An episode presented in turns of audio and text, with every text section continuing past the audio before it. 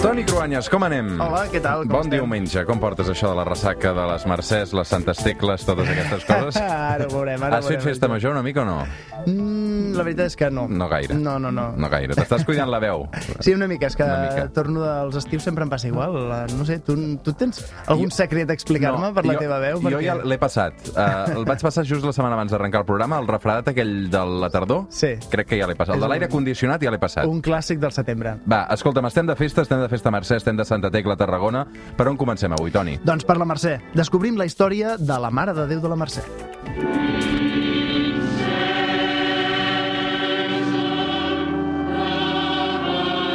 Veig que la cosa serà alegre avui. Per uh, això que sona, què és, Toni? Escolta'm, són els goig de la Mare de Déu de la Mercè, són alegres.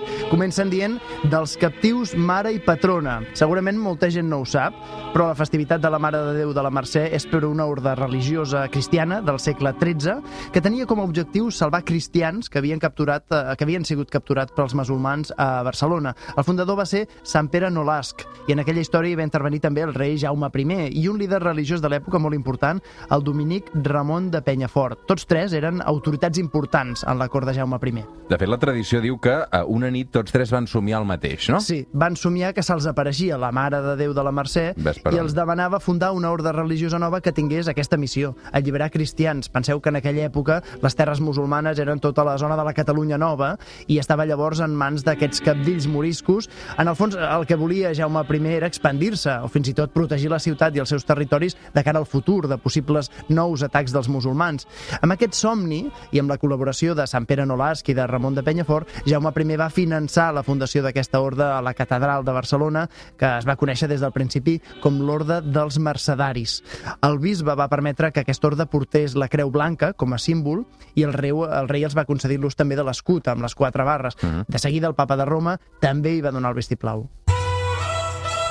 Tot això, Toni, en una època en què els regnes cristians volien fer fora els musulmans de la península. Sí, per cert, que els mercedaris encara existeixen, eh? eh són una horda a Barcelona ara, però el que fan és ajudar els presos de la ciutat, els reclusos que hi ha dins de les presons.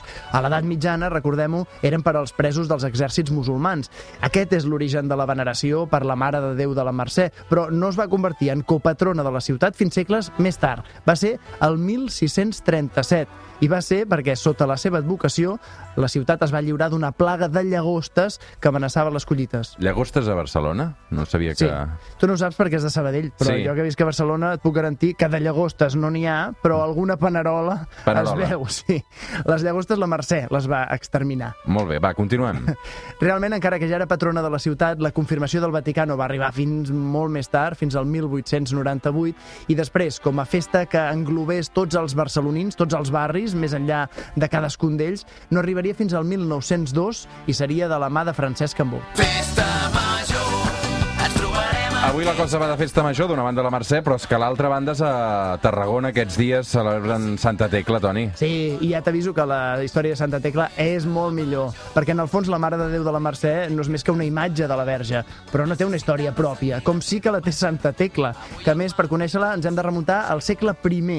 Diu la tradició cristiana que l'any 48, en una de les prèdiques de Sant Pau, per terres de l'actual Turquia, a Iconio, Santa Tecla va quedar extasiada de les seves paraules, i tot i que era una dona rica, que ja estava promesa amb un hereu també ric, va decidir deixar-ho tot i seguir Sant Pau arreu del món per donar a conèixer la paraula de Déu. Escolta'm, per què es diu Tecla? Perquè era de la població de Teòclia. Ah. De Teòclia, Tecla. L'home que s'havia de casar amb Santa Tecla, quan va saber que havia fugit amb Sant Pau, el va denunciar per bruixot. D'aquesta manera, Sant Pau el van posar a la presó i es diu que Tecla es va vendre totes les seves joies per subornar els carcellers i aconseguir que alliberessin a Sant Pau. I a partir d'aquell moment, Sant Pau i Santa Tecla van pel món de viatge fins que arriben a l'antiga Tarragona. I d'aquí la vinculació amb Tarragona? Diu la tradició que després de Tàrraco, Sant Pau i Santa Tecla es van separar. Sant Pau va continuar sent el gran líder religiós, intel·lectual, el gran ideòleg de l'expansió del cristianisme més enllà d'Israel. Santa Tecla no va ser tan famosa com Sant Pau, per això. No, no. Però va seguir evangelitzant i va convertir gent al cristianisme. Va patir tot tipus de càstigs. Aquí ve la part més eh, curiosa. La van empresonar i la van sotmetre a turments horribles. Però per miracle sempre va sortir-ne il·lesa. Per exemple, la van llançar en una fossa amb serps verinoses, però no la van mossegar. També la van lligar entre dos bous que es tiraven en direccions oposades perquè la destrossessin, esqueixada, però per miracle els bous van perdre la força. També la van posar sobre una pira per cremar-la viva, però el foc es va apartar i va acabar cremant els seus botxins.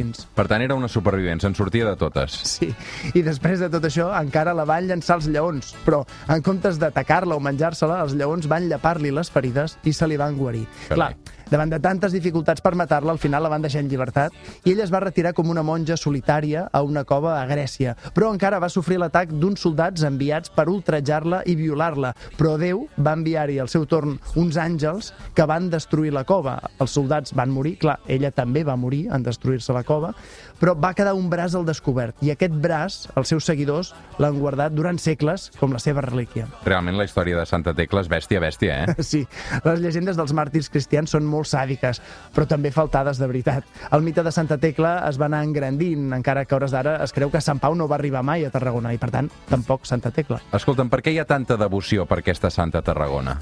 A veure, la primera referència al Camp de Tarragona de Santa Tecla és del segle III, però no queda clar per què.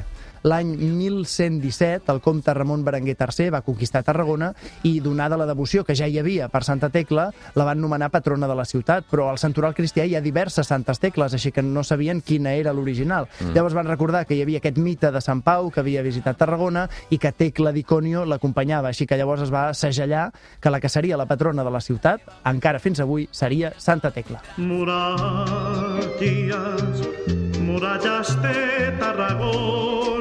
Quina gran banda sonora, Toni Cruanyes, eh? és una mica per despistar, després d'aquesta Santa Tecla que li surt Sí. sang per tot arreu. Posaré una mica la caspa per aquí sobre. Molt bona festa major a tothom, no, avui? Home, què seria una festa major sense una miqueta de caspa, també, no?